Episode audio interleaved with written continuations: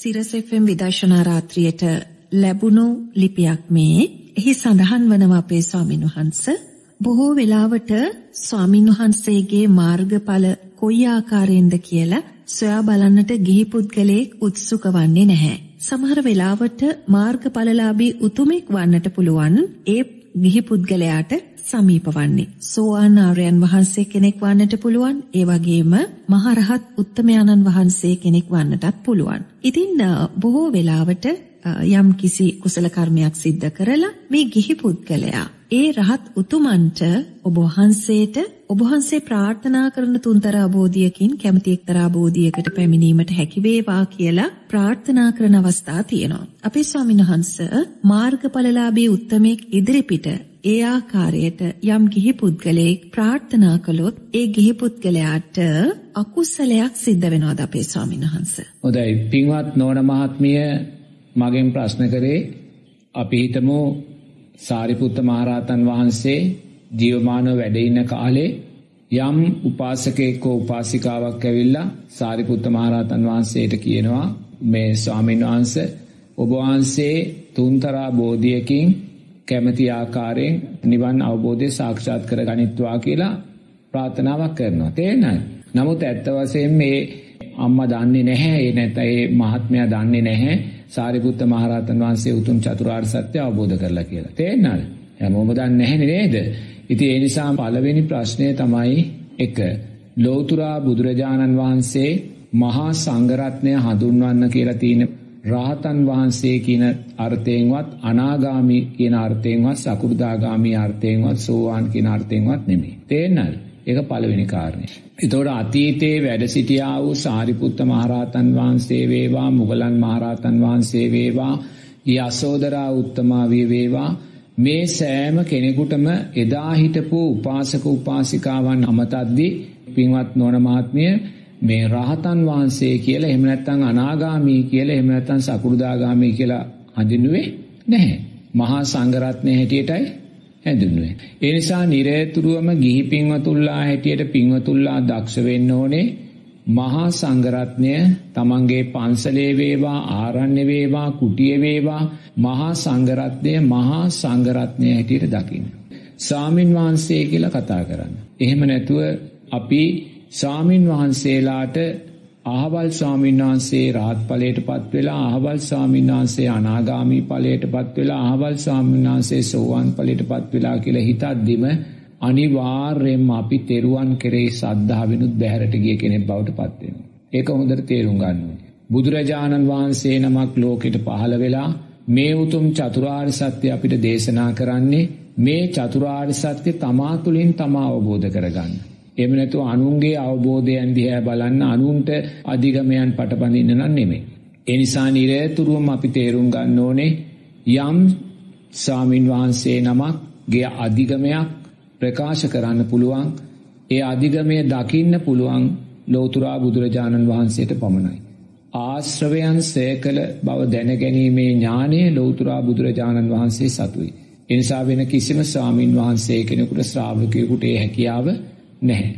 එනිසා මොනම හේතුවක් නිසාවත් බුදුරජාණන් වහන්සේ පිරිනිවන් පාලා වසර දෙදා සයිසීයකටත් වඩා ගෙවුණ තැනකදී අපි උත්සා ගන්නවා නම් සාමින් වහන්සේ නමක් රහත් වෙලා අහවල් ස්වාමීන් වහන්සේ අනාගාමි වෙලා ඒ ආදී වශයෙන් අධිගමයන් පටබඳින්න ඉන් අදහස් වෙන්නේ නිරතුරුවම ඒ දේ කරන පින්වතා හෝ පින්වතිය තුල තෙරුවන් කෙරෙහි සද්ධාව දුර්වලයි කියන කාරණේ. ඒ නිසා කවුරුන් හෝ කිව්වොත් දැන් මටත් එක එක අධිගමයන් ගැන කියලා කතා කරන මහත්තුරු නෝල්ල මන් දැකලා තියෙනවා. මං අහලා තියෙනවා.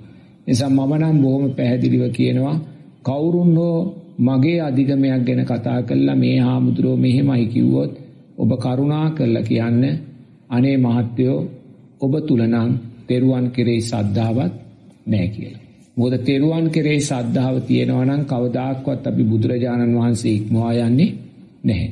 තෙරුවන් කෙරෙහි සද්ධාව තියෙනවා නම් අපි නිරතුරුව මාර්ගයේ උපයෝගී කරගන්නේ අපේ අවබෝධය උදෙසා මිසක් අපි වෙන වෙන අයගේ අවබෝධයන් ගැන හොයන්න නෙමෙයි.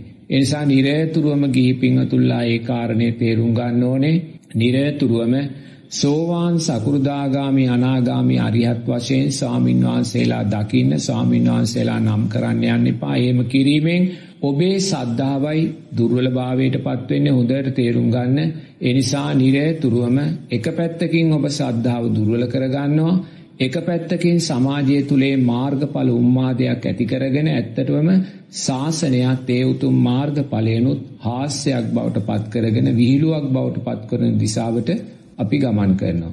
ඒ නිසා නිරතුරුව දක්ෂ වෙන්න ඕනේ දැන් සාරිපුත්ත මහරහතන් වහන්සේ ඉදිරියට යම් උපාසිකාවක් ඇවිල්ලා කිව්වොත් සාරිපුත්ත මහරහතන් වහන්සේ ඔබ වහන්සේ නම් රහත් ඵලයට පත් වෙලා කියලා සාරිපුත්ත මහරහතන් වහන්සේ දකින්නේ අනිත්‍ය වූ පස්සේ හේතුවෙන් සකස් වෙන විඳීමක් හැටියට විතරයි. ඊට වඩා දෙයක් උන්වහන්සේ දකින්නේ මේ අනිත්‍ය වූ පස්සයක්. ඒ ප්‍රකාශය කරපු ඒ උපාසක මහත්මයාගේ උපාසිකාවගේ අධ්‍යාත්මික රූපයත් සාරිපුත්ත මහරහතන් වහන්සේ කියන බාහිර රූපයත් විඤ්ඥානයක් තුන එකතු වෙලා සකස් වන පස්සේ හේතුවෙන් සකස් වූ අනිත්‍ය විදීමක්.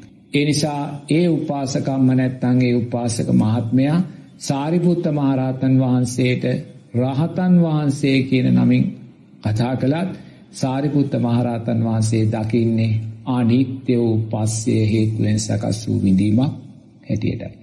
එතකොට අනාගාමී ඵලයට පත්වෙච්ච ස්වාමීන් වහන්සේ නමකට කවුරු හරි උපාසක මහත්තයෙක් උපාසිකාවක් ඇවිල්ලා අනේ ගෞරවනීය ස්වාමීන් වහන්සේ ඔබ වහන්සේ නම් අනාගාමී ඵලයට පත් වෙලා කිව්වොත් ඒ අනාගාමී උත්තමයා පංච උපාදානස්කන්ධයේ අනිත්‍යභාවය දැක්ක කෙනෙක් උන්වහන්සේ දකින්නේ අනේ ඒ අහිංසක උපාසක උපාසක මහත්මයා තුල සකස් වූ අනිත්‍ය වූ පස්සේ හේතුවෙන් සකස් වූ විදීමක්.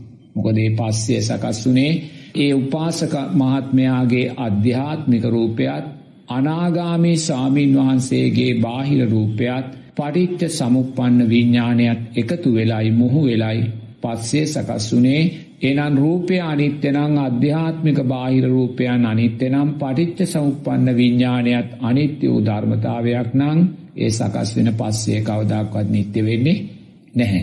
ඒ පස්සේ නිසා ඇති වුණා වූ විඳීම් කවදක්වත් නිත්‍ය වෙන්නේ නැහැ.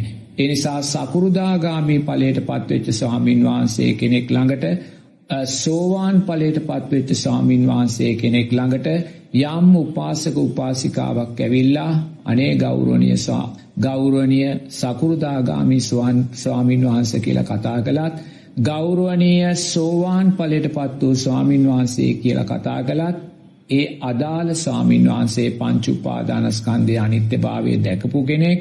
ඒ නිසාම උන්වහන්සේ ඒ උපාසක උපාසිකාවගේ අදහස දකින්නේ ආනිත්‍ය වූ පස්සේ හේතුවෙන් සකස් වෙන විදීමක්. ඒ විඳීම උන්වහන්සේලා මමය මගේ මගේ ආත්මය කියලා දන්නේ නැහැ මොකද උන්වහන්සේලා සක්කාය දිට්ඨිය නිරෝධය කරලයි තියෙන්නේ. ඒ නිසා නිරතුරුවම සාරිපුත්ත මහරහතන් වහන්සේ ඉදිරියට ඇවිල්ලා යම් කෙනෙක් කිව්වොත් ඔබ වහන්සේ උතුම් චතුරාර්ය සත්‍ය අවබෝධ කරපු රහතන් වහන්සේ කෙනෙක් කියලා සාරිපුත්ත මහරහතන් වහන්සේ ඒ මොහොතේ උන්වහන්සේ තුල ඇතිවෙන සිතුවිල්ල තමයි අනේ අනිත්‍ය වූ පස්සේ හේතුවෙන් සකස් වුණ අනිත්‍ය වූ ඒ විඳීම උන්වහන්සේලා මමය මගේ මගේ ආත්මය කියලා දකින්නේ. එනැතු ඒ උපාසක මහත්මයාගේ ඒ උපාසක මහත්මයා ඒ අදහස තුළ ඉන්නවා. ඒ අදහස තුළ උපාසක මහත්මයා ඉන්නවා කියන ආත්මීය සංඥාවෙන් ගන්නේ නැහැ. ඒ නිසා උන්වහන්සේලාට ඒ අදහස නිරතුරුවම අනිත්‍ය වූ පස්සේ හේතුවෙන් සකස් වෙන අනිත්‍ය වූ විඳීමක් අනිත්‍ය වූ පස්සේ සකස් වෙන්නේ අධ්‍යාත්මික රූපයත් බාහිර රූපයත් විඤ්ඥානයක් තුනේ එකතුවෙන් ඒ තුනම අනිත්‍යනම් පස්සයත් අනිත්‍යයි පස්සේ අනිත්‍යනම් විඳීමත් අනිත්‍යයි ඒ අනිත්‍ය වූ විඳීම කවදක්වත් රාතන් වහන්සේ කෙනෙක් මමය මගේ මගේ ආත්මය කියලා ගන්නේ නැහැ. ඒකේ බාහිර රූපය නිත්‍ය සංඥාවෙන් ගන්නේ නැහැ. ඒ නිසා මහත්වයෝ නිර ඒ නිසා නෝන මහත්මිය නිරතුරුවම අපි දක්ෂ වෙන්න ඕනේ මේ සෑම පලිබෝධයක්ම සකස් වෙන්නේ අපි සංඝයා සංඝයා හැටියට නොදකින නිසාමයි. ඒක හොඳට තේරුම් ගන්න. සංඝයා සංඝයා හැටියට නොදකින නිසාමයි. අනිත් එක අපි ස්වාමින් වහන්සේලා වන්දනා කරද්දී නිරතුරුවම අපි පසඟ පිහිටවලා වන්දනා කරනවා. එහෙම නැත්නම් සීලවන්තං ගුණවන්තං පුඤ්ඤංකෙත්තං අනුත්තරං ඒ වගේ ගාතාවන් අපි කියලා වන්දනා කරනවා. තේන්න.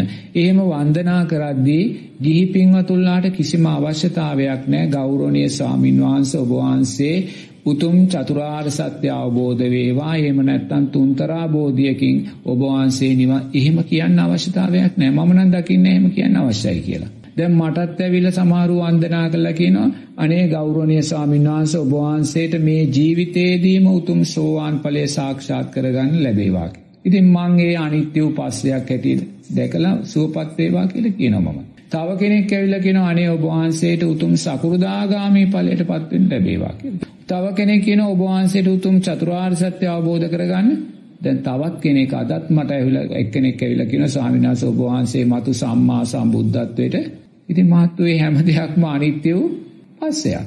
ඒ පස්සේ හේතුවෙන් සකස් වෙන එක එකනාගේ විඳීම්. ඒ විඳීම් තුල එයක් නැහැ. ඒ විඳීම් තුල භික්ෂුවක් නැහැ. ඒක අනිත්‍ය වූ පස්සයක්. අනිත්‍ය වූ පස්සේ සකස් වුණේ අනිත්‍ය වූ අධ්‍යාත්මික සහ බාහිර රූපයක් විඥානයත් එකතු වීමෙන්.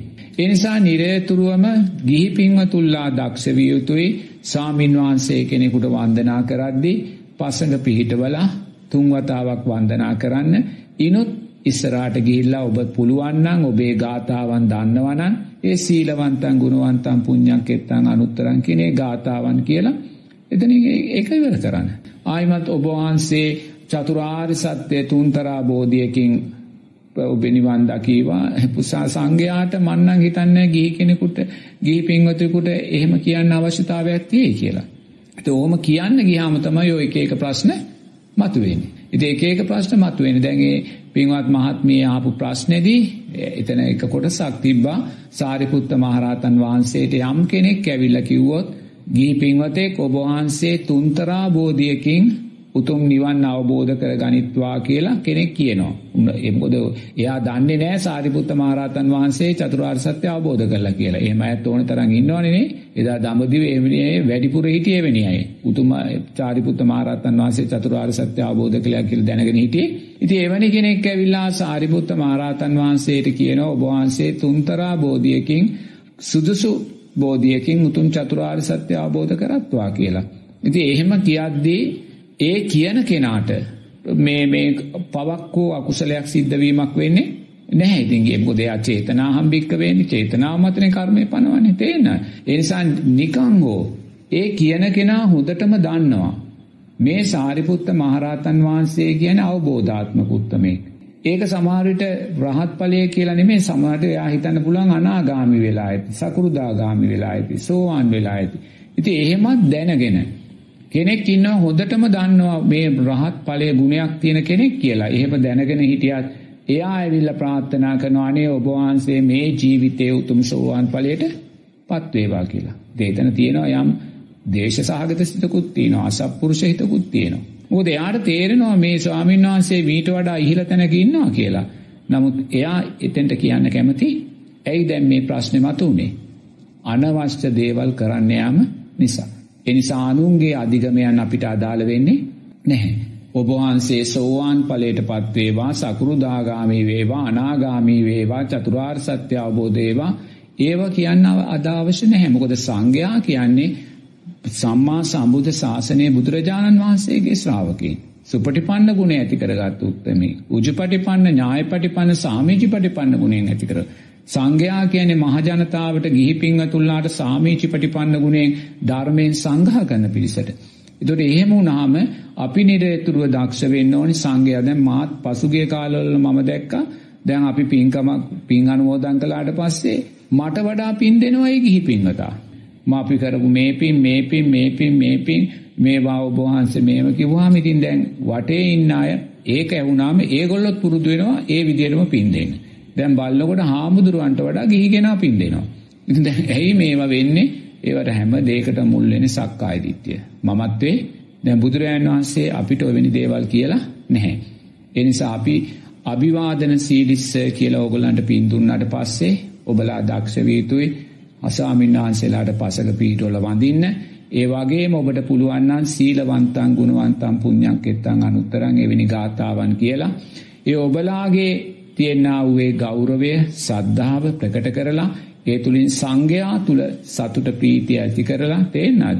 ඉති ඒ අධ්‍යපාර්ශවේ තියෙන්නා වූ දායකත්වය ශක්තිමත් කරගන්න ශාසනය ශක්තිමත් කරගන්න සම්මා සම්බුද්ධ ශාසනය ශක්තිමත් කරගන්න ඉං එහාට ගිහිල්ලා ඔබවහන්සේ තුන්තරා බෝධියකින් කැමති බෝධියකින් නිවන් ලබේවා.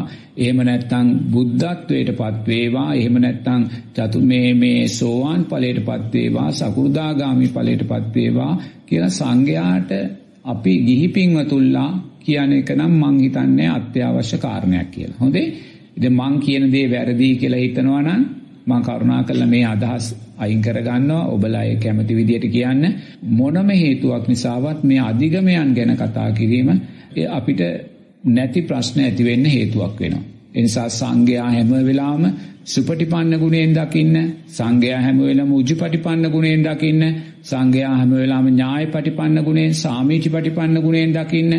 බුදුරජාණන් වහන්සේ සංඝයාව එවැනි ගුණයන්ගෙන් ඔබට දකින්න කියලා කියන්නේ ඇයි? ඒ තුළින් සංඝ සමාජය හදන්න නෙමේ ඔබලා දක්ෂ වෙන්න ඕන ගිහි පින්වතුල්ලා මහා සංඝරත්නයට සංඝ සමාජය තුළින් සංඝයා කියන අර්ථය තුළින් දැකලා ඔබත් සංඝ සමාජයේ සාමාජිකයෙක් බවට පත්වෙන් ඒක හොඳට තේරුම් ගන්න. අපි බුදුරජාණන් වහන්සේ සුපටිපන්න ගුණයෙන් උජුපටිපන්න ගුණයෙන් ඥාය පටිපන්න ගුණයෙන් සාමීචි පටිපන්න ගුණයෙන් සංඝයාව දකින්න කියන්නේ. ඇයි ඔබලාට සංඝයා කියන අර්ථය තුළින් රැස් කර ගන්නා වූ පින කුසලය තුළින් ඔබලා සංඝයා කියන අර්ථයට අරන්ගෙන. මොකද ගිහිපින්වතුල්ලා තාම සංඝයා කියන අර්ථෙටාවේ දැම් මම් භික්ෂුවක් ඇටියට මම සංඝයා කියන අර්ථෙට ඇවිල්ලා ඉන්නේ. එතකොට මම මේ සංඝයා කියන අර්ථයට ආවේ අවුරුදු 44ක ගිහි ජීවිතයක් ගත කරලා. එතකොට ඒ අවුරුදු 44ක ගිහි ජීවිතය තුල මට හොඳටම විශ්වාසයි මං සංඝයා දැක්කේ සුපටිපන්න ගුණයෙන් කියලා. උජුපටිපන්න ගුණයෙන් කියලා. ඥායපටිපන්න ගුණයෙන් කියලා. සාමීචිපටිපන්න ගුණයෙන් කියලා. ඒ නිසාම සංඝයා කෙරේ මා තුල සැකයක් විචිකිච්ඡාවක් බියක් ඇති උනේ නැහැ. මං සංඝයාගේ අධිගමයන් හොයන්න ගියේ නැහැ. ආවල් ස්වාමීන් වහන්සේ රහත් වෙලා අහවල් ස්වාමීන් වහන්සේ සකෘදාගාමි වෙලා අහවල් ස්වාමීන් වහන්සේ අනාගාමි වෙලා සෝවාන් වෙලා ඕවා හොයන්න ගියා නම් අනුන්ගේ අධිගමයන් නිසා මට ඇතිවෙන්නේ විසිරුණා වූ සිතක් පමණයි. අනුන්ගේ අධිගමයන් නිසා මට ඇතිවෙන්නේ සැකය විචිකිච්ඡාව පමණක්මයි. අනුන්ගේ අධිගමයන් නිසා මා තුළ ඇතිවෙන්නේ සංඝයා කෙරේ විරෝධයක් දවේශයක් ගැටීමක් පමණක්මයි. එනම් මට කවදාක්වත් සම්මා සමාධිමත් හිතක් ඇති කරගන්න පුළුවන්කමක් ලැබෙන්නේ නැහැ. නමුත් මන් සම්මා සමාධිමත් හිතක් ඇති කරගත්තා. ඒ සම්මා සමාධිමත් හිත ඇති කරගත්තේ මා තුළ සම්මා සතිය ඇති වුණ නිසා. මා තුළ සම්මා සතිය ඇති වුණේ මා සම්මා වායාමයන් තුළ ජීවත් වුණ නිසා. මන් සම්මා වායාමයන් නැතිකරගත්තේ ගිහි ජීවිතයේදී මගේ ආජීව අට්ටමක සීලය ආරක්ෂාව තිබ්බ නිසා. එනම් මම මේ සියල් ඇති කරගත්තේ බුදුරජාණන් වහන්සේ දේශනා කලා වූ ලෞකික ප්‍රඥාවට අදාළව ලෝකයේ දැක්ක නිසා.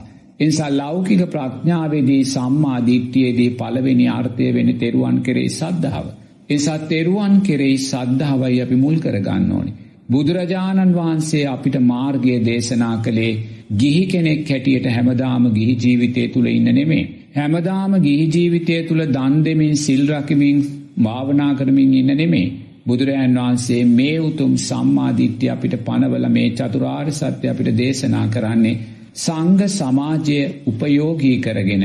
සංඝ සමාජයේ සුපටිපන්න උජුපටිපන්න ඥාය පටිපන්න සාමීචි පටිපන්න ගුණයන් උපයෝගී කරගෙන පින්වත් ගිහි පින්වතුල්ලාට සංඝයා කියන අර්ථයට එන්න.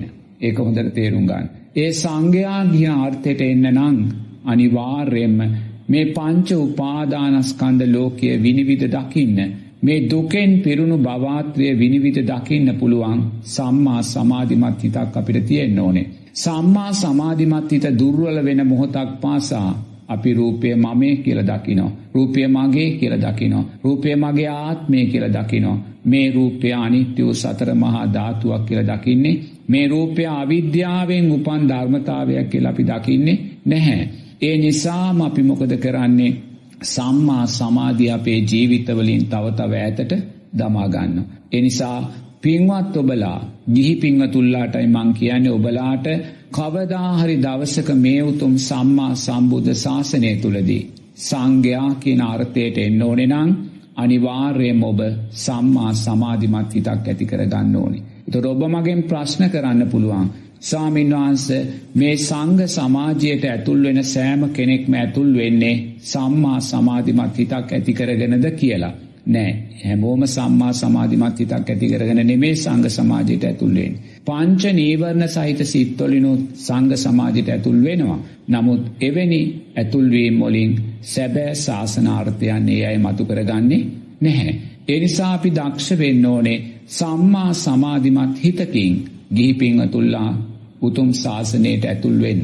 සම්මා සමාධිමත් හිතෙන් ඇතුල් වුණොත් පමණයි ඔබට ඒ උතුම් ශාසනාර්ථයන් ශක්තිමත්ව ඉදිරියට අරන් ගිහිල්ලා Tamanගේ උතුම් නිවන් අරමුණු සාක්ෂාත් කරගන්න ශක්තිය ලැබෙන්නේ. එහෙමනම් ඔබ දක්ෂ වෙන්න ගිහි පින්වතුල්ලා හැටියට මේ උතුම් සම්මා සම්බුද්ධ ශාසනයේදී ඔබට සංඝයා කියන අර්ථයට එන්න අවශ්‍ය නම් මුල් වෙන්න ඕනේ සම්මා සමාධිමත් හිත ආරෂ්ඨාංගික මාර්ගය තුල. ඒ සම්මා සමාධිමත් හිත ඇති කර ගන්න නම් කවදාක්වත් සංඝයා සුපටිපන්න ගුණෙන් තොරව දකින්න එපා. උජුපටිපන්න ගුණේ ඥායපටිපන්න සාමීචි පටිපන්න ගුණෙන් සංඝයා දකින්න පුරුදු වෙන්න. සංඝයා සෝවාන් වෙලා සංඝයා සකෘදාගාමි වෙලා අහවල් හාමුදුරුවෝ රහත් වෙලා අහවල් හාමුදුරුවෝ බුද්ධත්වයට පත් වෙලා එහෙම නැත්නම් අහවල් හාමුදුරුවන්ට අනේ මම ප්‍රාර්ථනා කරනවා තුන්තරා බෝධියකින් උතුම් චතුරාර්ය සත්‍ය අවබෝධ කරන්න නිවන් දකින්න කියලා. ඉතින් මෙවැනි දේවල් කරන්න අපි ගියොත් නිරේතුරුවම අපේ සිත සැකය විචිකිච්ඡාව අහවල් ස්වාමීන් වහන්සේ රහත් වෙලා අහවල් ස්වාමීන් වහන්සේ රහත් වෙලා නැහැ. අහවල් කෙනා සකුරුදාගාමි වෙලා අහවල් ස්වාමීන් වහන්සේ තව කෙනෙක් ඉනෝ නැහැ සකුරුදාගාමි වෙලා නැහැ. ඒ නිසා අපේ සම්මා සමාධිය දුර්වල වූ හිත අපි තවත් අප්‍රමාණ පිරිසකගේ සම්මා සමාධිය දුර්වල කරලා දාන. වර්තමානයේ මේ අනවශ්‍ය අධිගම උම්මාදයන් නිසා සුපටිපන්න ගුණයෙන් උජුපටිපන්න ගුණයෙන් ඥායපටිපන්න ගුණයෙන් සාමීචි පටිපන්න ගුණයෙන් තොරව සංඝයා දකින්න යෑම නිසා එක පුද්ගලයෙක් කරන වරද නිසා පුද්ගලයෝ දාස් ගානක් පිංහතුනේ නිරේතුරුව තමන්ගේ සම්මා සමාධිමත් හිත දුර්වල කරගන්න. තමන්ගේ පංච නීවරණවල ශක්තිය ජීවිතේ වැඩිකොට ගන්න. ඇයි මේ අනවශ්‍ය අධිගම උන්මාදයන්. එනිසා ඔබ මුලින්ම දක්ෂ වෙන්න ගිහි පිංහතුල්ලා බුදුරජාණන් වහන්සේ මේ චතුරාර්ය සත්‍ය දේශනා කරන්නේ පිංහතුල්ලාට තවදුරටත් මේ ගිහි ජීවිතය තුළ ඉන්න නෙමේ. මේ ගිහි ජීවිතය තුළින් කවදා හරි දවසක මේ සම්මා සම්බුද්ධ ශාසනය තුළදී උතුම් පැවිදි උපසම්පදාවන් සාක්ෂාත් කරගෙන සංඝයා කියන අර්ථයට එන්නයි. ඔබ ඒ සංඝයා කියන අර්ථයට එන්න නම් අනිවාර්යයෙන්ම සම්මා දිට්ඨි සම්මා සංකප්ප ලෞකික ප්‍රඥාවේ අර්ථයන් ජීවිතයට එකතු කරගන්න. ලෝතුරා බුදුරජාණන් වහන්සේගේ පැනවීම් වලට අදාළව ඔබ සංඝ සමාජය දකින්න සංඝයාට ඔබ ආශිර්වාද කරන්න යන්න අවශ්‍ය නැහැ. දැන් සමහරලාට මන් දැකලා තිනවා අපි සංඝයා අභිවාදන සීලිස්ස කියන ගාථාව කියද්දී ගිහි පින්වතාත් අභිවාදන සීලිස්ස කියලා කියනවා. එහෙම කියන්න අවශ්‍ය නැහැ. සංඝයා ගිහි පින්වතුන්ලාට අභිවාදන සීලිස්ස නිච්ඡං වෙජ්ජාපචායිනෝ කියලා කියද්දි ඒක යා සාදු සාදු කියලා අනුමෝදන් වෙන්න ඕනේ. ඒක සාදු සාදු කියලා ජීවිතයට එකතු කර ගන්න ඕනේ. දැන් මම දැකලා තියෙනවා සමහර පින්වතුන්ලා අපි අභිවාදන සීලිස්ස කියද්දි අපිටත් වඩා සද්දෙන් ඒ මහත්මයාත් ඒ මහත්මයාත් අභිවාදන සීලිස්ස කියනවා. ඉතින් ඒකෙන් අදහස් කරන්නේ ඒ මහත්මයා මට ආශිර්වාද කරනවා කියන කාරණය. තේන්න. ඉතින් එතනදී පුංචි පරස්පරයක් තියෙනවා. අපි සංඝයාගේ සුපටිපන්න උජුපටිපන්න ඥායපටිපන්න සාමීචපටිපන්න ගුණයන් දකින්නේ නැහැ. ඒතකොට එහෙම කළොත් එහෙම සංඝයා කියන අර්ථය දුර්වල දිශාවටයි ගමන් කරන්නේ. ඒ නිසා හැම වෙලාවම සංඝයා කියන්නේ සුපටිපන්න උජුපටිපන්න ඥායපටිපන්න සාමීචපටිපන්න ගුණේ ශක්තිමත් කෙනෙක්. සංඝයා නිරතුරුවම අනාගාමී ඵලයට පත්වෙච්ච ගිහි පින්වතටත් වඩා සංඝයා කියන අර්ථය ශ්‍රේෂ්ඨයි. එච්චරයි. පන්සලේ ඉන සාමනේර ස්වාමින් වහන්සේ අනාගාමී ගිහි පින්වතාට වඩා ශ්‍රේෂ්ඨයි. එච්චරයි. එහෙම නැතුව අනාගාමී ගිහි පින්වතෙක් සාමනේර ස්වාමින් වහන්සේට වඳිද්දී සාමනේර ස්වාමින් වහන්සේ අභිවාදන සීලිස්ස කියලා අනාගාමී පින්වතාට ආශිර්වාද කරන්න ඕනේ. මොකද ඒ අනාගාමී පින්වතා කියන්නේ සාමනීර ස්වාමින් වහන්සේට වඩා අර්ථයෙන් පල්ලෙහා කෙනෙක්. එයා අවබෝධාත්මකව ඉන්නවා නමුත් එයා තුල සුපටිපන්න ගුණේ නිසා සංඝ සමාජයේ එච්චර ඉහළ තැනක බුදුරජාණන් වහන්සේ තියලා තිනවා. ඒ සංඝ සමාජයේ ඉහළ තැනක තියලා තිබ්බේ ඇයි සංඝ සමාජය උපයෝගී කරගෙන තව තව තව තව ගිහි සමාජයට සංඝයා කියන අර්ථයට එන්න. ඒක හොඳට තේරුම් ගන්න. තව තව සංඝයා කියන අර්ථයට එන්න.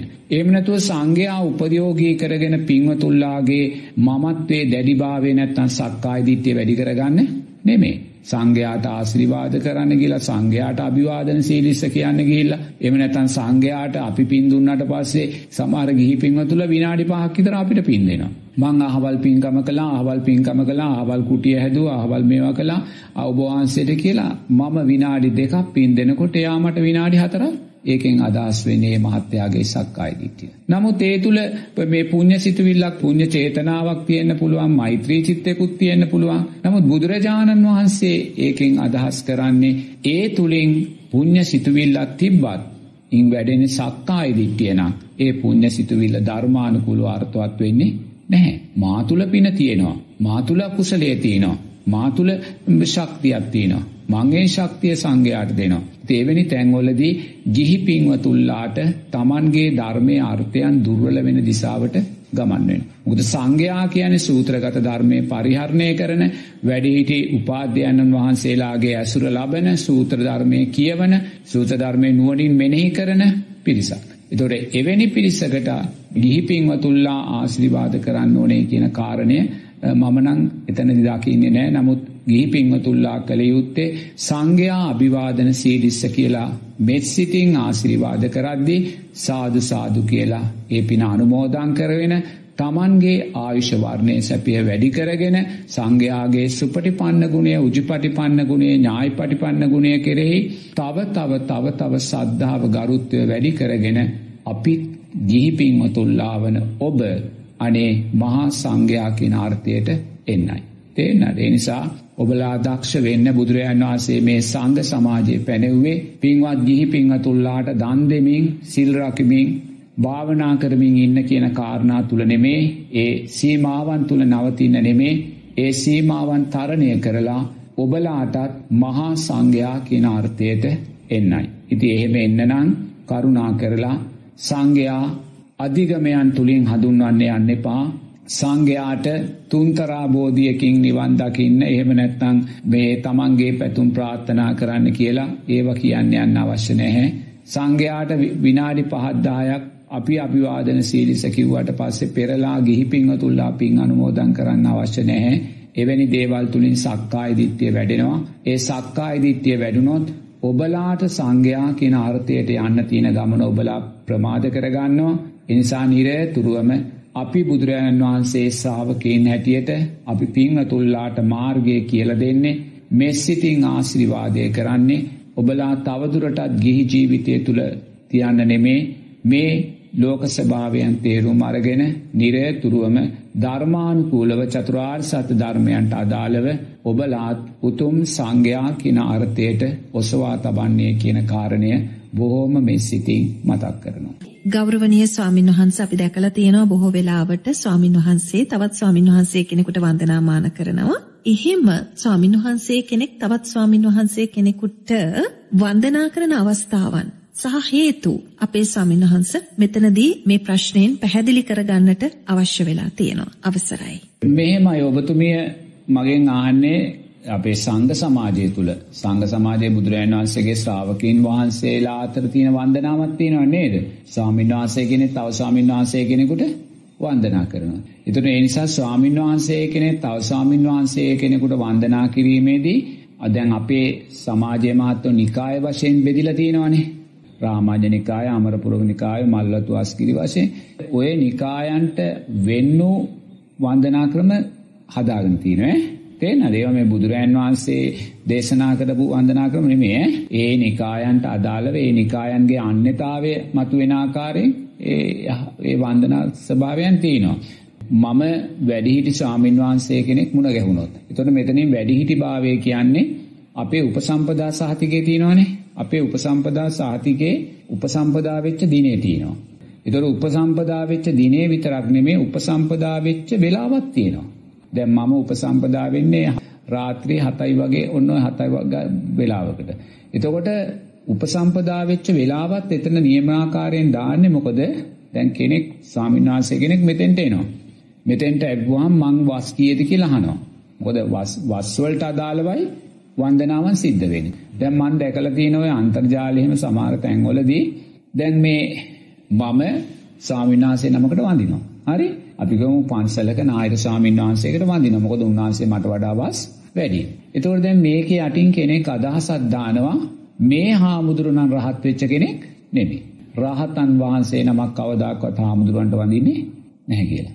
දැන් බලන්න එතකොට මේ වන්දනාව කියන දේවත් ඒකවත් අපි තාම තේරුම් ගත්තේ නැහැ. ඒ එයා එයායි දාන්නේ මේ මේ මම වැඩි වැඩිහිටි ස්වාමීන් වහන්සේ වන්දනා කරනකොට මේකේ යටින් එයාගේ අදහසක් දානවා මේ හාමුදුරුවෝ නම් රහත් වෙච්ච කෙනෙක් මේ හාමුදුරුවෝ රහත් වෙලා නම් කවදාකවත් ඔය හාමුදුරන්ට වඳින්නේ නැහැ කියලා. ඉතින් ඒකෙන් තේරින් වෙන්නේ සංඝ සමාජයේ තියෙනා වූ ඒ චර්යා ධර්මයන්වත් ඒගොල්ලෝ දන්නේ නැහැ. තේන්නද? සංඝ සමාජයේ තියෙන චර්යා ධර්මයන්වත් ඒගොල්ලෝ දන්නේ නැහැ. සංඝ සමාජයේ හැම වෙලාවම බුදුරජාණන් වහන්සේ අපිට වන්දනා කරන්න කියන්නේ අපිට වඩා වැඩිහිටි ස්වාමින් වහන්සේ කෙනෙකුට අපි වන්දනා කරන්න ඕනේ. තේන දැන් චුල්ලපන්තක ස්වාමින් වහන්සේ පුංචි කාලේ රහත් ඵලයට පත් වෙනවා. පුංචි කාලේ රහත් ඵලයට පත් වුණත් තාම සාමනේර. හරිද? සමහරට නිග්‍රෝධ සාමනේර ස්වාමින් වහන්සේ සෝපාක සාමනේර ස්වාමින් වහන්සේලා උතුම් චතුරාර්ය සත්‍ය අවබෝධ කරලා තියෙන්න.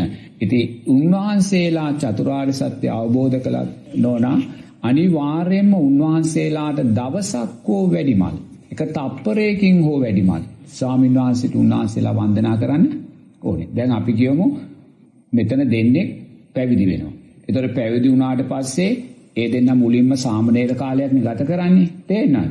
ඒතකොට මේ සාමනීර කාලේ ගත කළා තව ඒ දෙන්නගෙන් එක ස්වාමීන් වහන්සේ කෙනෙක් උතුම් චතුරාර්ය සත්‍ය අවබෝධ කරගන්න. දෙන්නම සාමනීර දෙන්නගෙන් එක නම චතුරාර්ය සත්‍ය දැන් බුදුරජාණන් වහන්සේ භාග්‍යවතුන් වහන්සේ දැකලා කියනවා ඔබ අනිවාර්යයෙන්ම ධර්මය අවබෝධ කරලයි දැන් බුදුරජාණන් වහන්සේ දේශනා කළ ධර්මය අවබෝධ කළ කිසිම සැකයක් නැහැ.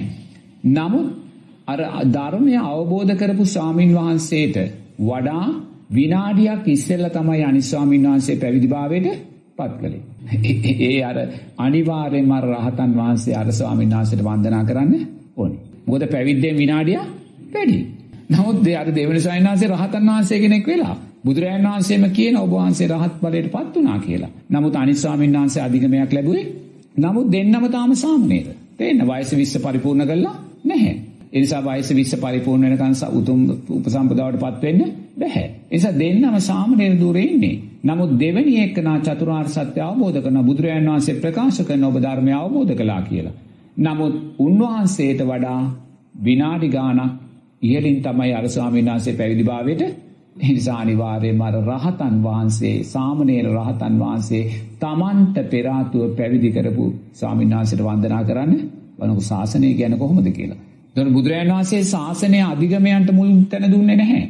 ඉතින් එහෙමනම් මහත්වෝ නිරේතුරුවම සංඝයා අපි උපසම්පදා කරන වෙලාවේ අපේ උපසම්පදා මේ සහතිකේ දැන් උපසම්පදා සහතිකේ මගේ මේ පොත ඇතුලේ තියෙනවා. ඒක ඕන්ලාක මන් තියාගෙන ඉන්නේ පිටපතක්. ඒතර ඒ උපසම්පදා සහතිකයේ තියෙන උපසම්පදා කරපු දවස උපසම්පදා කරපු වෙලාව. ඒතකොට දැන් කෙනෙක් මෙතෙන්ට එනවා. මට දැන් වස් 15යි. ඒතර වස් 15 දී කෙනෙක් මට ඇවිල්ලා ස්වාමීන් වහන්සේ කෙනෙක් එනවා මං උන්වහන්සේට වන්දනා කරන්න ආති මං අහන ඔබ වහන්සේට වස් කීයද කියලා. ඒතර උන්වහන්සේ කියනවා මට වස් 15යි. දැන් මොකක්ද උනේ? මටත් වස් 15යි උන්වහන්සේටත් වස් 15යි. දැන් ඊළඟට මම අහන්න ඕනේ ඔබ වහන්සේ මොන මාසෙද උපසම්පදා වුණේ කියලා. මොන මාසෙද උපසම්පදා වුණේ කියලා. ඒතර මම උපසම්පදා වුණේ ජූනි මාසේ. උන්වහන්සේත් කියනවා මම උපසම්පදා වුණේ ජූනි මාසේ කියලා. තේරෙනවද? දැන් එහෙනම් වර්ෂෙත් එකයි මාසෙත් එකයි. දැන් ඊළඟට මම අහන්න ඕනේ ඔබ වහන්සේ උපසම්පදා වෙච්ච වෙලාව මොකද්ද කියලා. හැබැයි පුතේ මම නම් ඒව අහන්නේ නැහැ. එහෙමද? උන්වහන්සේ කිව්වොත් එහෙම මම වස් 15යි කියලා මම ඒ වෙලාවෙන් පත් කරේලුව මම වන්දනා. මොකද මට ඕනේ තව කෙනෙකුට වන්දනා කරන්න. මොකද උන්වහන්සේ තුලින් ගන්න තියෙන ශක්තිය මට ගන්නයි මට ඕනේ. තේරෙනවද? උන්වහන්සේට මේ සිත පතුරවලා උන්වහන්සේට මේ සිතින් වන්දනා කරලා මගේ මෛත්‍රිය ශක්තිය වර්ධනය කරගන්න. ඒ නිසා මං කවදාකවත් ස්වාමීන් වහන්සේ කෙනෙක් වස් 15යි කිව්වොත් මටත් 15යි මම මාසි දවස හොයන්න යන්නේ නෑ අනේ සාදු කියලා වන්දනා කරනවා මොකද මට පුදුමාකාර කැමැත්තක් තියෙන තව ස්වාමීන් වහන්සේ කෙනෙකුට වන්දනා කරන්න. තේරෙනවද? මොකද ඒක පුදුමාකාර මට කැමතියි. ඒ නිසා අතනදි දැන් අවුරුද්දත් එකයි මාසෙත් එකයි ජූනි මාසේ උන්වහන්සේ ජූනි මාසේ. ඊට පස්සේ මං ආන්න ඕනේ දවස කවදද කියලා. එතකොට මං කියනවා දවස පස්වෙනිදා කියලා. උන්වහන්සේත් කියනවා පස්වෙනිදා කියලා. හරිද? ඒ කියන්නේ දෙන්නම උපසම්පදාලා තියෙන එකම දවසේ එකම මාසේ එකම දැන් ඉතින් මාතු දැන් හරි ප්‍රශ්නයනේ දෙන්නම එකයිනේ නේ. දැන් කවුරුද වන්දනා කරන්න එපා. ඊළඟට අපි අහන්න ඕනේ ඔබ වහන්සේ උපසම්පදා වුණ වෙලාව මොකද්ද කියලා. අන්න එතකොට කියනවා මං උපසම්පදා වුණේ රාත්‍රී 8ට උන්වහන්සේ උපද උපසම්පදා වෙලා තියෙන රාත්‍රී 7:50 දැන් කොච්චරද වැඩිමද ඒක විනාඩියයි. තේරෙනවද? ඒක විනාඩියයි වැඩි. ඒ විනාඩියට වැඩිහිටි ස්වාමීන් වහන්සේ බවට පත් වෙන්නේ කවුද? උන්වහන්සේ. ඒ නිසා ඔතනයි සංඝ සමාධිය වන්දනාව කියන කාරණේ තියෙන්නේ. තේරෙනවද? උපසම්පදාවට අදාළව එක විනාඩියක් වැඩි නම් ඒ වැඩිහිටි කෙනා හැටියට ගන්නේ ඒ වැඩිහිටි කෙනා ඊට පල්ලෙහා කෙනා වඳින්න ඕනේ. ඒ වගේම සාමනීර ජීවිතයේදී සාමනීර වෙච්ච දවසට අදාළව ඒ වන්දනාවන් සිද්ධ කරගන්න ඕනේ. ඉතින් එහෙම බලද්දි මාත්‍යව බුදුරයන් වහන්සේ කොතනකවත් ඔය අධිගමයන් කියන කාරණේ මුලට දුන්නේ නැහැ. තේන්නේ? ඒ අතීතයේ වැඩ සිටියා වූ සාමනීර ස්වාමින් වහන්සේලා රහත් ඵලයටපත් වුණා බුදුරයන් වහන්සේ කාලේ. ඒ රහතන් වහන්සේලා උපසම්පදා ලැබුවා වූ සද්ධානුසාරී ධම්මානුසාරී ස්වාමීන් වහන්සේලාට වන්දනා කරන්න ඕනේ. කවුද රහතන් වහන්සේලා? සාම සාම සාම රහතන් වහන්සේලා අවුරුදු 20 සම්පූර්ණ කළේ නැහැ. වයස අවුරුදු 10යි නැත්නම් 12යි නැත්නම් 13යි. නමුත් ඒ රහතන් වහන්සේලා උන්වහන්සේලා චතුරාර්ය සත්‍ය අවබෝධ කරලා ඉන්නේ. නමුත් උන්වහන්සේලා මහත්වෝ අවුරුදු 80ක් වයස සද්ධානුසාරී හාමුදුරන්ට වන්දනා කරන්න ඕනේ. පොද පැවිද්දේ වැඩි හිටි. එසා අධිගමයන් බුදුරජාණන් වහන්සේ අධිගමයන් මුල් කර මුල් තැන දෙන්නේ නැහැ කොතනකවත්. මොකද රහතන් වහන්සේ කෙනෙක් කියන්නේ පංච උපාදානස්කන්ධයේ අනිත්‍යභාවය අවබෝධ කරපු කෙනෙක්. සෝවාන් උත්තමේ කියන්නේ ස්වාමින් වහන්සේ කෙනෙක්ගේ පංච උපාදානස්කන්ධයේ අනිත්‍යභාවය දැක්ක කෙනෙක්. තේරෙනවද? ඒ නිසා කවදාක්වත් උන්වහන්සේලා අනුන්ගේ වන්දනාවන් නිසා කවදාක්වත් උන්වහන්සේලාගේ හිත් දූෂණය භාවිත පත් වෙන්නේ නැහැ. තේන නිසා රාහතන් වහන්සේකට පුළුවන් ඕනෑම සාමනීර කෙනෙක්ටත් පිටිපස්සෙන් ඉන්න. රාහතන් වහන්සේ නමකට පුළුවන් සාමනීර ස්වාමීන් වහන්සේලා සිය නමක් ඉන්නවනම් ඒ රාහතන් වහන්සේ තමන් අවංකවම රහත් ඵලයට පත් වෙලා නම් නමුත් කිසිම කෙනෙක් උන්වහන්සේ රහත් වෙලා කියලා දන්නේ නැහැ. තේන්නද අධිගමයක් ගැන දන්නේ? නමුත් එවන් කෙනෙකුට පුළුවන් සාමනේර ස්වාමින් වහන්සේලා සියයක් ඉදිරියෙන් යද්දී එකසියෙක් වෙනියාට යන්න. මොකද එයා රූපය අනිත්‍යයි කියලා අවබෝධ කරපු කෙනෙක්. රූපය ඇසුරෙන් සකස් වෙන විඳීම අනිත්‍යයි කියලා අවබෝධ කරපු කෙනෙක්. රූපය අනිත් ඇතුලෙන් සකස් වෙන මේ හඳුනා ගැනීම සංස්කාරයෝ විඥානයේ අනිත්‍යයි කියලා.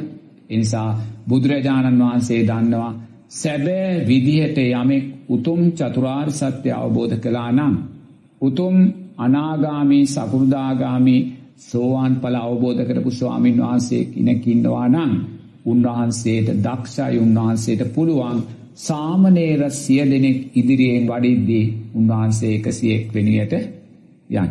ඒ නිසා බුදුරජාණන් වහන්සේ අධිගමලාභීන් පිළිබඳ කලබල වෙන්න ගියේ නැහැ. අධිගමලාභීන් මුල් තැනට ගන්න ගියේ උන්වහන්සේලා දක්ෂයි ස්වාමින් වහන්සේලා දස් සද්ධානුසාරී ධම්මානුසාරී ස්වාමින් වහන්සේලා දසදහස් ගානක් ඉන්න තැනක උන්වහන්සේ දක්ෂයි මුකුත්ම නොදන්න පුතක්ගෙන ස්වාමීන් වහන්සේ කෙනෙක් හැටියට ඉන්න. තේන්න මොකද උන්වහන්සේ රූපය අනිත්‍යයි කියලා අවබෝධ කළා ඉන්නේ වේදනාව අනිත්‍යයි කියලා අවබෝධ උන්වහන්සේට පළවෙනියා වෙන්නේ ඉස්සරහට වෙන්න කැපී පෙනෙන්නේ නැනි මේ තෘෂ්ණාවක් නැහැ තෘෂ්ණාව නිරෝධය කළා ඉන්නේ. තේන්න.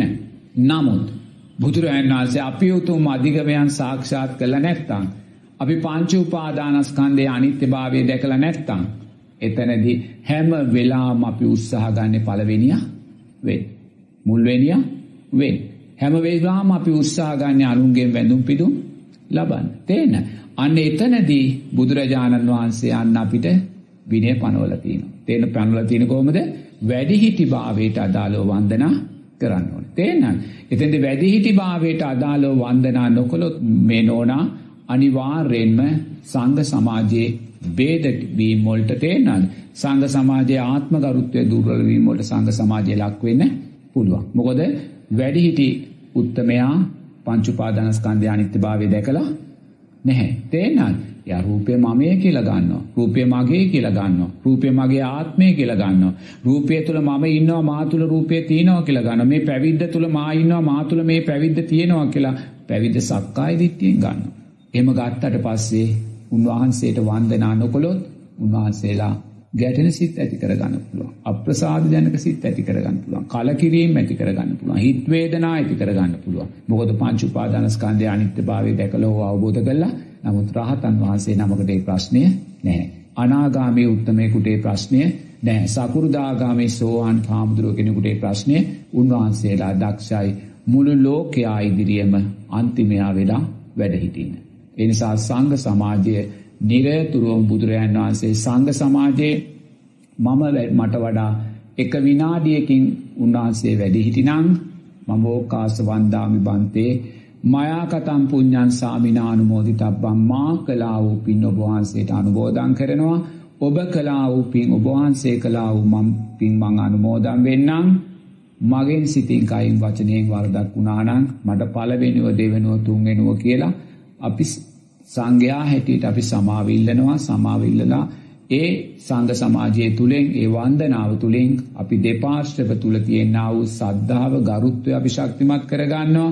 ඒ වගේ මේක සංඝ සමාජයේ සම්මා සම්බුද්ධ ශාසනයේ චිරස්තිය උදෙසා අනාගතය උදෙසා උත්තම ශක්තියක් වෙනවා ඒ වගේම අපි පත්කඩ එලලා ඕකාස වන්දාමි බන්තය කියලා ශබ්ද නගලා අපේ වැඩිහිටි නායක සාමීන් වහන්සේලාට වැඩිහිටු උපාධ්‍යානන් වහන්සේලාට වැඩිහිටි ගෞරවන සංතාන්ත වන්දනා කරද්දී ඒ වන්දනාව දැකලා මනුෂ්‍යයොත් සම්මා සම්බුද්ධ ශාසනය කරේ ප්‍රියභාවය ඇති කරගන්නවා. අනේ සම්මා සම්බුද්ධ ශාසනය කියන්නේ මෙවැනි උතුම් ගුණධර්ම තියෙන ශාසනයක් නේද කියලා ශාසනය කරේ තව තව ඡන්දේ ශක්තිමත් කරගන්නවා.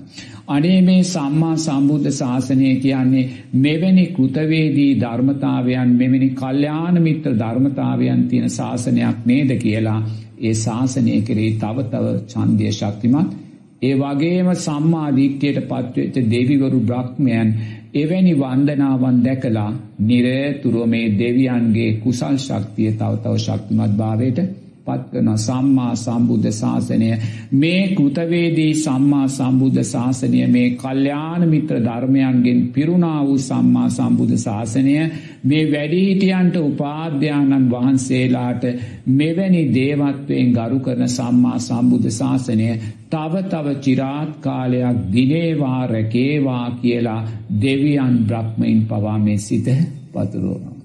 ඒ වගේමයි සංඝ සමාජයේ අපේ නිරේතුරුවම තේරුම් ගන්න ඕනේ අපි අපේ වැඩිහිටි සාමින් වහන්සේ නමකට වන්දනා කිරීම තුළින් අපි නිරේතුරුවම අපේ ජීවිතයේ සක්කායදිත්‍යය තුනේ කර ගැනීමේ ලොකෝ ශක්තියක් අපි අපේ ජීවිතයට එකතු කරගන්න.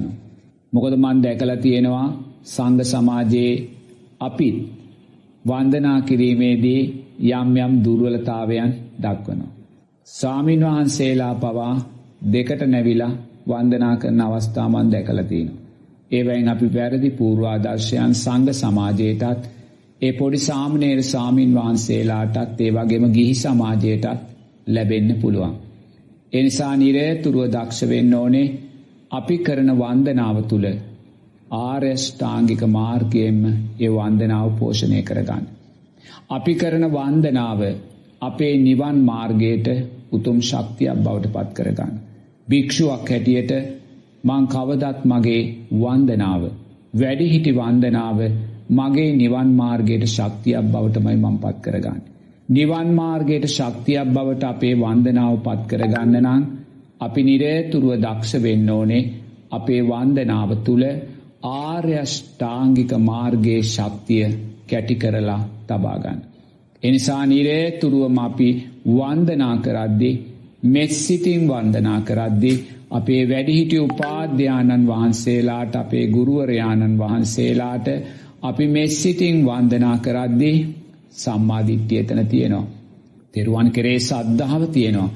බුදුරජාණන් වහන්සේට අදාළව අපි පවතිනවා. සංග සමාජයේ ගුණයන්ට අදාළව අපි පවතිනවා. ඊළඟට කර්මය කර්මඵල විශ්වාසය අපිට තියෙනවා.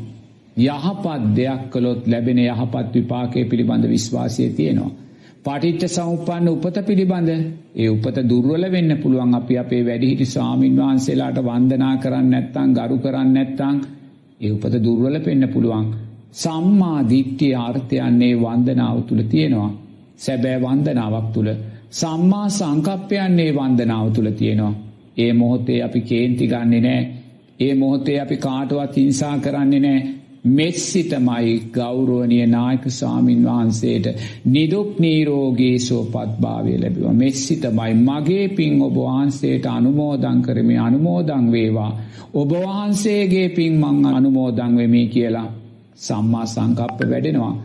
ඒ වගේමයි නෙක්කම් මේ වැඩෙනවා. ලෝබ දේශ මෝහයන්ගෙන් අපි තුනී වෙනවා. සක්කා ඉදිට්ටිය තියෙනවනම්. මමත්වේ දැඩිභාවේ තියෙනවනම්. රූපය මමය මගේ කියල දකිනවනම් විඳී මමය මගේ කියල දකිනවනම් කවදාක්වත් අපේ වැඩිහිටි ස්වාමීන් වහන්සේ කෙනෙකුට වන්දනා කරන්න අපේ හිත දෙන්නේ නෑ. අපි දෙකට නැවිලා එක තප්පරයෙන් වන්දනා කල්ල ඉවර කරනවා. ඇයි ලෝබදේශමුව වැඩි නෙක්කාමය දුරුවලයි එනිසා නිරේතුරුව සැබෑ වන්දනාවකදී සම්මා සංකප්ප වැඩෙනවා. සම්මා සංකප්ප වැඩෙද්දී පිංහතුනේ සැබෑ වන්දනාවක් තුළ අපේ සීලය පරිපූර්ණවයි පවතින සීලේ කොතනකොවත් හිටස් නෑ දුර්වලතාවයන්නේ ඒ වන්දනා කරන මොහොතේ අපේ සීලය අයෝමය ආකාරයෙන් ශක්තිමත් වෙනවා. කොහොමද ශක්තිමත් වෙන්නේ? සම්මාධිට්්‍ය ආර්ථයන්ගෙන් ශක්තිමත් වෙනවා. සම්මා සංකප්පයන්ගෙන් මෛත්‍රියෙන් ශක්තිමත් වෙනවා. නෙක්කම්මෙන් ශක්තිමත් වෙනවා.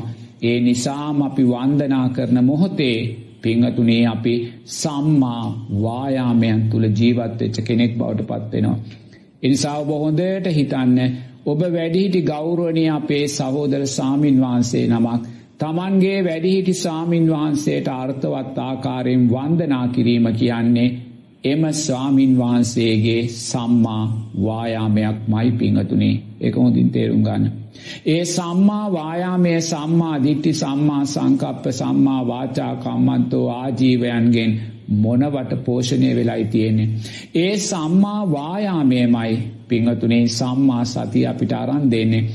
අපි කුසලය අකුසලය නිවැරදිව අඳුනනවා. පිංහතුනේ උපාධ්‍යානන් වහන්සේගේ අපේ ගුරුවරයාගේ ගුරු ඇසුර වැදගත්භාවය අපි නිවැරදි වඳුරනවා. අපි ඒ ගුරු ඇසුරෙන් බැහැරට යන්නේ නෑ ඒ වගේමයි අපි අනාගත සංග සමාජයට පූර්වාදර්ශී වෙනවා. පිහතුරේ සුන්දර සම්මා සතිය වැඩෙනවා. අපේ කුසලේ ශක්තිමත් කරගන්න අපේ සීලය ශක්තිමත් කරගන්න අපේ මග නොමග නිවැරදිව අඳුනගන්න ඒ සුන්දර සම්මා සතිය සකස් කර දෙද්දී පිංහතුනේ වන්දනාවක් තුළ සම්මා සමාධිය අපිට ලබල දෙනවා. එනිසා අපේ ගෞරුවනය සාමීන් වහන්සේලා දක්ෂවීතුයි වැඩිහිටි ගෞරුවනය නායක සාමීන් වහන්සේලාට උපාධ්‍යානන් වහන්සේලාට පසඟ පිහිටවල වන්දනා කරලා ඒ වන්දනාව තුළින් පිංහතුනේ මේ නිවන් මාර්ගයට අදාළව ආර්යෂ්ඨාංගික මාර්ගයම පෝෂණය කරගෙන පිංහතුනේ වන්දනාවක් තුළින් සම්මා සමාධයක් ඇති කරගන්න පුළුවන්නම්. වන්දනාවක් තුළින් උතුම් සම්මා සමාධයක් ඇති කරගන්න පුළුවන්නම් ඊට එකම තැන පිංහතුනේ සුන්දර තැනක් වැඩිහිටි වන්දනාව තුළ තියෙනවායි කියන කාරණය බොහෝම ගෞරවයෙන් සිහිපත් කල්ල දෙනවා. හොඳයි.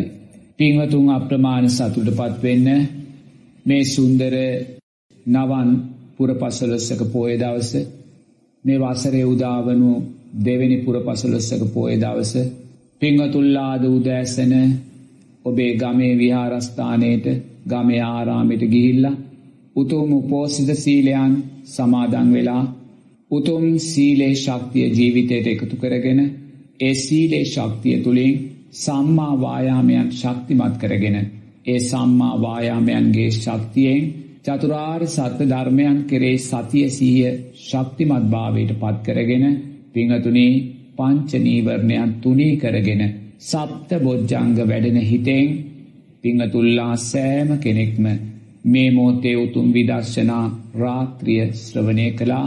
සිරසගුවන් විදිලේ ඉදිරිය වාඩි වෙලා එනිසා කල්පනා කරන්න මේ මොහොතේ මේ ආකාරයෙන් රැස් කර ගත්තා වූ උතුම් ධර්මදානමය පින්කම්වල ශක්තියෙන් මුලින්ම ඒ අති ගෞරුවනීය උත්තරීතර මහානායක සාමීන් වහන්සේලා ඇතුළු සියලූම වන්දනීය මහා සංඝරත්නයට මේ පින් නිදුක් නීරෝගී සුවපත්භාවය දීර්ඝායුෂ පිණිස හේතු වේවා කියලා මෙස් සිතින් ආශිර්වාද කරනවා. ඒ වගේම මේ රැස් කරගත්තා වූ සෑම පිනක්ම කල්යාණ මිත්‍රභාවයෙන් සිරස සමග සම්බන්ධ වන පින්වතුල්ලා සියලූම දෙනාටත් දැකබලා සතුටුනා වූ අසා සතුටුනා වූ ගම්වාසී රටවාසී සියලූම පින්වතුල්ලාටත් මේ පින් නිදුක් නීරෝගේ සුවපත්භාවය දීර්ඝායුෂ පිණිස හේතුවේවා කියලා මෙත් සිතින් ආශිර්වාද කරනවා. ඒ වගේම අපිට කල්්‍යාන මිත්‍රභාවයෙන් උපකාරක ධර්මයන් සකස් කොරදුම් ඒ පින්වත් ශාලිකා ප්‍රාණසිංහ මහත්මියටත් පින්වත් සාරද මහත්මයාටත් ඒ වගේම සිරසගුවන් විදිලියේ ප්‍රධානී සජිත්‍රත්නායක මහත්මයා ඇතුළු කාර්යමණ්ඩලේ සියලූම පින්වතුල්ලාටත් රටවාසී සියලූම පින්වතුල්ලාටත් මේ උතුම් ධර්මදානමය පින් මේ ජීවිතේදීම උතුම් චතුරාර් සද්ධර්මයෝ දැකීමට අවබෝධ කිරීමටම මේ පින් උත්තම ශක්තියක් වේවා කියලා මෙස්සිතිං ආසිරිවාද කරනවා සියලු දෙනාට තෙරුවන් සරණයි.